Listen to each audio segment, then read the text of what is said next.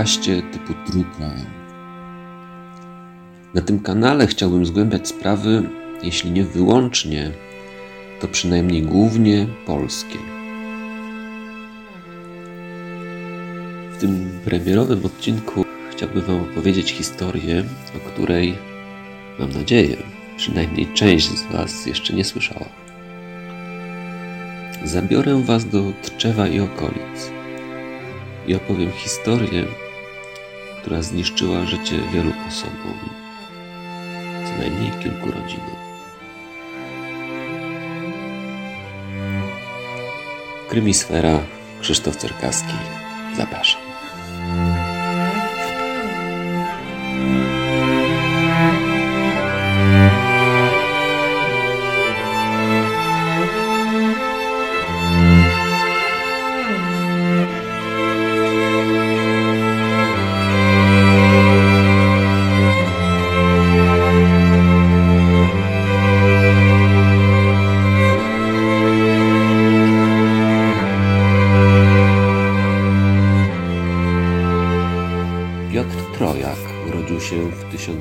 1977 roku w Tczewie, w ówczesnym województwie gdańskim. Przyszedł na świat w niezamożnej, e, robotniczej rodzinie. Ojciec był stolarzem, a matka była krawcową.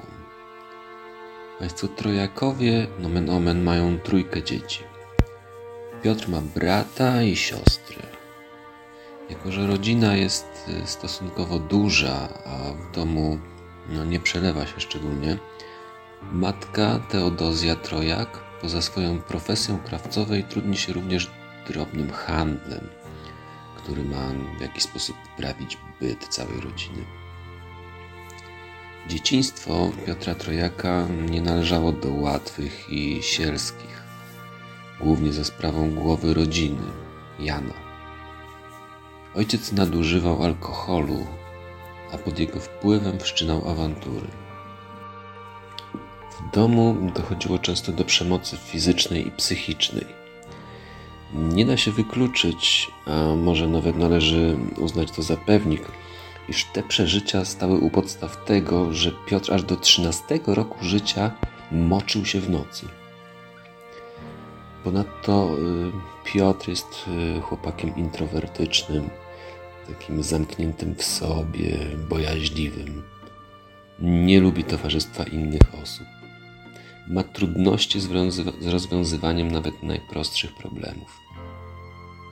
I z pewnością nie ułatwiał tego fakt, iż Piotr od urodzenia miał za krótkie wędzidełko podjęzykowe, co niewątpliwie wpływało na rozwój mowy, a następnie drobne wady wymowy. Co znamienne w przypadku różnych, wielokrotnie drobnych konfliktów z rówieśnikami w szkole, podczas których ostatecznie stawał na tej przegranej pozycji, stając się obiektem drwin, odgrażał się, że się zemści. Piotr miał również y, niemałe problemy z nauką. Powtarzał już trzecią klasę szkoły podstawowej. Ostatecznie skończył szkołę zawodową, został złotnikiem, jednak nigdy w zawodzie nie pracował. Utrzymywał się z renty. Z ust matki, kochającej i będącej zawsze blisko matki, można było jednak usłyszeć, że Piotr był bardzo dobrym dzieckiem. Prał, gotował, piekł, sprzątał w domu, nie pił. Ale w jednym z wywiadów matka przyznała również, że lubił noże. Miał i lubił, ale tak je sobie tylko po prostu trzymał. Tak twierdziła. Piotr ubierał się na czarno, nosił okulary i włosy związane w kucyk. Pasjonował się muzyką metalową, próbował nawet swoich sił w grze na gitarze. Charakterystyczne dla osoby Piotra Trojaka i jego późniejszej legendy jest miejsce, w którym mieszkał i dorastał. Otóż w 1983 roku, a więc y, kiedy Piotr miał 6 lat, rodzina Trojaków weszła w posiadanie nieruchomości, którą był y, unikatowy, zabytkowy wiatrak. Integralną część, część tej konstrukcji stanowiła taka dobudówka, której to rodzina zamieszkała.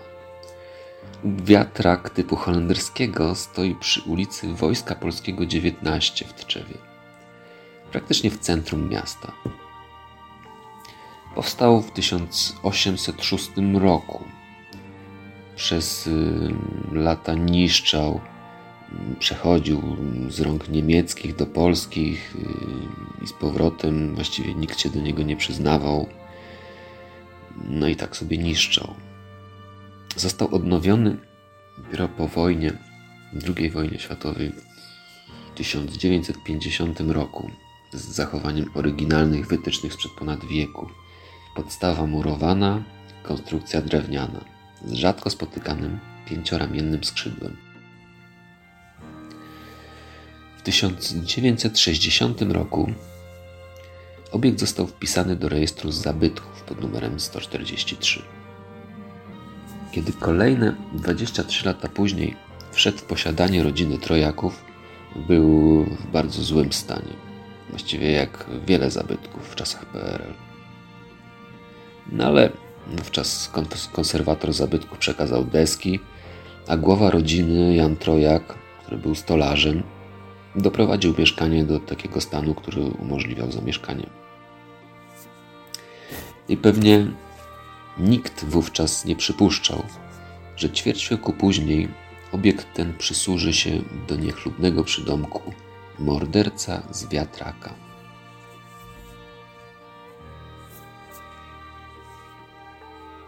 Zabytkowy wiatrak od zabytkowego mostu w Tczewie dzieli mm, niecałe półtora kilometra. Co ciekawe, most ten w momencie budowy w połowie XIX wieku, mając 837 metrów długości dokładnie, był najdłuższym mostem w Europie. Długi, dwunastoprzęsłowy, ze swymi neogotyckimi wieżami jest jednocześnie jedną z najpiękniejszych przepraw drogowych przez Wisłę. Wisła w tym miejscu stanowi granicę pomiędzy miastem Tczew a Lisewym Malborskim. Stąd też y, most czasami jest również nazywany mostem lisewskim. I to właśnie tędy 2 września 2002 roku to był poniedziałek, czyli to był dzień rozpoczęcia nowego roku szkolnego. 25-letni wówczas Piotr Trojak podczas swojej przejażdżki rowerem przeprawił się na drugi brzeg Wisły do Lisewa Malborskiego. Kręcił się po tych terenach od kilku dni. Rozglądał, jakby robił rozpoznanie terenu, jakby kogoś szukał. Właśnie tego dnia, 2 września 2002, jego uwagę przykuł dziesięcioletni Marcin Skotarek, który akurat y, samotnie wracał od dziadków. Zatrzymał chłopaka w polu, przewrócił i próbował zgwałcić. Ostatecznie tego nie zrobił, ale wyjął nóż i 16 razy wbił go chłopakowi w klatkę piersiową, a następnie jeszcze raz w okolice szyi.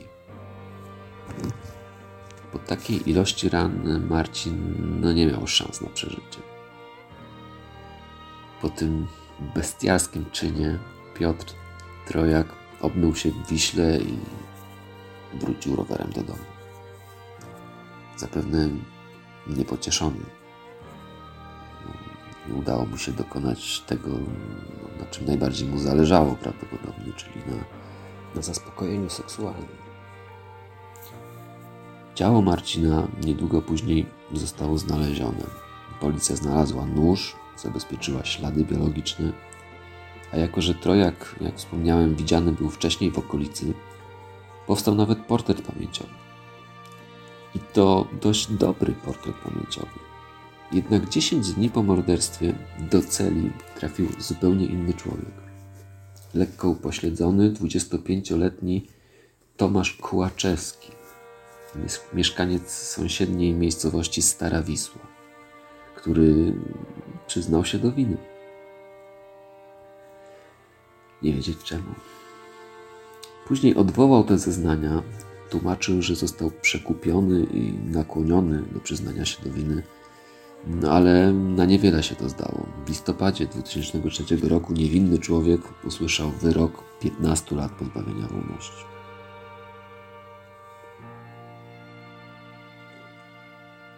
Trzydziestego września 2005 roku nad rzeką Kłodawą w miejscowości Cieplewo, to jest yy, koło Pruszcza Gdańskiego, jakieś 5 km od Pruszcza Gdańskiego, 20 km od Tczewa, 11-letni Sebastian Talarek łowił ryby.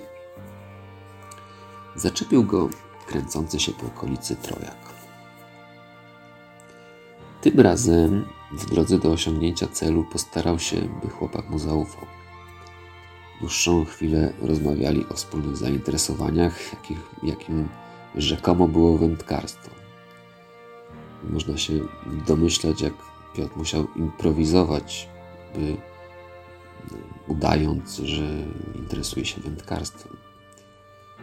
No, rozmowa w przyjaznej atmosferze ułatwiła perswazję i nakłonienie do przejścia do pobliskiego opuszczonego budynku gospodarczego, który tam gdzieś w okolicy się znajdował. A tam, kiedy już się tam znaleźli, zachowanie Trojaka radykalnie się zmieniło. Przestał być dobrym kolegą. Rzucił się na jedenastolatka i próbował rozebrać, co udało się tylko częściowo. Chłopak walczył, próbował uciekać i krzyczeć. W reakcji na to dużo silniejszy fizycznie trojak zatkał mu usta i przycisnął do ziemi. W tym momencie chłopak stracił przytomność. Spanikowanemu, niedoszłemu gwałcicielowi przeszła ochota na seks pierwszej chwili chciał uciec, ale uświadomił sobie, że jeśli chłopak przeżyje, to grożą mu konsekwencje. Paradoksalnie. I w ten sposób naraził się na dużo większy. Wyjął nóż myśliwski i kilkanaście razy wbił jego ostrze w ciało Sebastiana. Po tym poprawił nożem kuchennym, podciął chłopakowi gardło. I dopiero wówczas odszedł. Wsiadł do szkolnego autobusu, który podwiózł go do Pszczółek, gdzie po przesiadce na pociąg kontynuował podróż do domu, do Tczewa. Jednak do swojego azylu, do wiatraka, nie dotarł, ponieważ na dworcu czekała już na niego policja. Bowiem świadkiem mordu był sąsiad Sebastiana, który w tym czasie niedaleko miejsca wydarzeń robił coś w polu. Nie był oczywiście naocznym świadkiem, ale zaintrygowało go to, że do tego budynku gospodarczego, opuszczonej szopy, wchodziły dwie osoby, a parę minut później pospiesznie wyszła już tylko jedna. No i zajrzał do środka. Natychmiast po odkryciu zwłok poinformował policję i przekazał istotne informacje. Piotr Trojak w momencie zatrzymania i przeszukania miał przy sobie plecak, a w nim narzędzia zbrodni. Noże i z tego co wiem, między innymi jeszcze sznurek, który podobnie jak noże nie wiedzieć czemu zabierał ze sobą i chusteczki, którymi wycierał noże po ataku. Przyznał się mm, niemal od razu na przesłuchaniu. Nie tylko do tego morderstwa, ale i do tego trzy lata wcześniej w Wisewie Malborskim. Jednak później za namową prawnika wycofał część zeznań dotyczącą przyznania się do pierwszego morderstwa, w związku z czym przed sądem odpowiadał tylko za drugą zbrodnię. Dopiero dużo później, bo 7 lat później, w sierpniu 2012 roku, usłyszał zarzuty za zbrodnię w Wisewie Malborskim w 2002. tak zwanym międzyczasie w 2006 roku wyszedł z więzienia Tomasz Kułaczewski. Nie dlatego, że skończył mu się wyrok, ale dlatego, że po prostu już wszyscy wówczas wiedzieli, że trafił tam niesłusznie. Przesiedział, jak wynika z wyliczeń jego ojca, dokładnie 3 lata, 9 miesięcy i 17 dni. I lekko tam z pewnością nie miał. Powszechnie wiadomo, jak pod ceną traktuje się skazanych za pedofilię. Nie muszę się tu rozwodzić.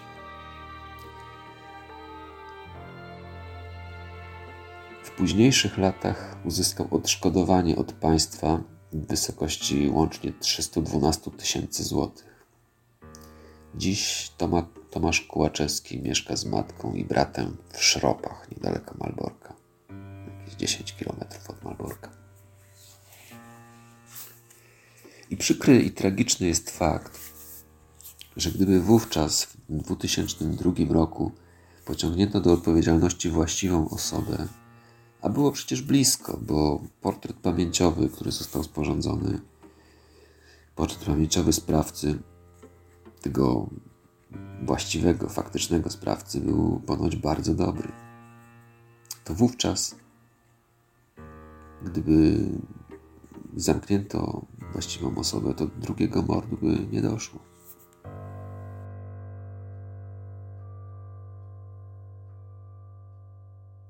Dziś Piotr Trojak odsiaduje wyrok dożywotniego pozbawienia wolności. Na taki wyrok został skazany dwukrotnie, bowiem procesy za oba zabójstwa, jak mówiłem, prowadzone były niezależnie w różnym czasie. Ojciec Piotra popełnił samobójstwo. Powiesił się na krześle. Taką informację znalazłem, że powiesił się na krześle, ponieważ no, po prostu nie mógł się pogodzić z tym, że jego syn jest mordercą. W 2015 albo 2016 roku zmarła też matka Piotra. Matka, która tak naprawdę chyba do końca nie uwierzyła w winę syna. A już na pewno nigdy się go nie wyrzekła, nie przestała kochać. Właściwie do końca swoich dni wierzyła, że wróci do niej, do wiatraka, że się znów w wiatraku urządzi, że będzie słuchał tej swojej muzyki, że będzie oglądał filmy, że do wiatraka wróci życie, że będzie jak dawniej. Tymczasem po śmierci matki wiatrak przypadł w spadku rodzeństwu, bratu i siostrze Piotra. Oni na stałe mieszkają aktualnie w Niemczech. Prawdopodobnie nie chcieli się nim zajmować. I w 2016 roku zaproponowali miastu Tczew sprzedaż zabytkowego wiatraka za dopadła nawet konkretna kwota za milion złotych.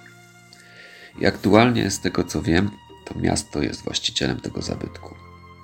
Ale nie wiem, co się w nim aktualnie znajduje. Nie znalazłem takiej informacji. Może ktoś jest w Czewa i może wie coś więcej na ten temat.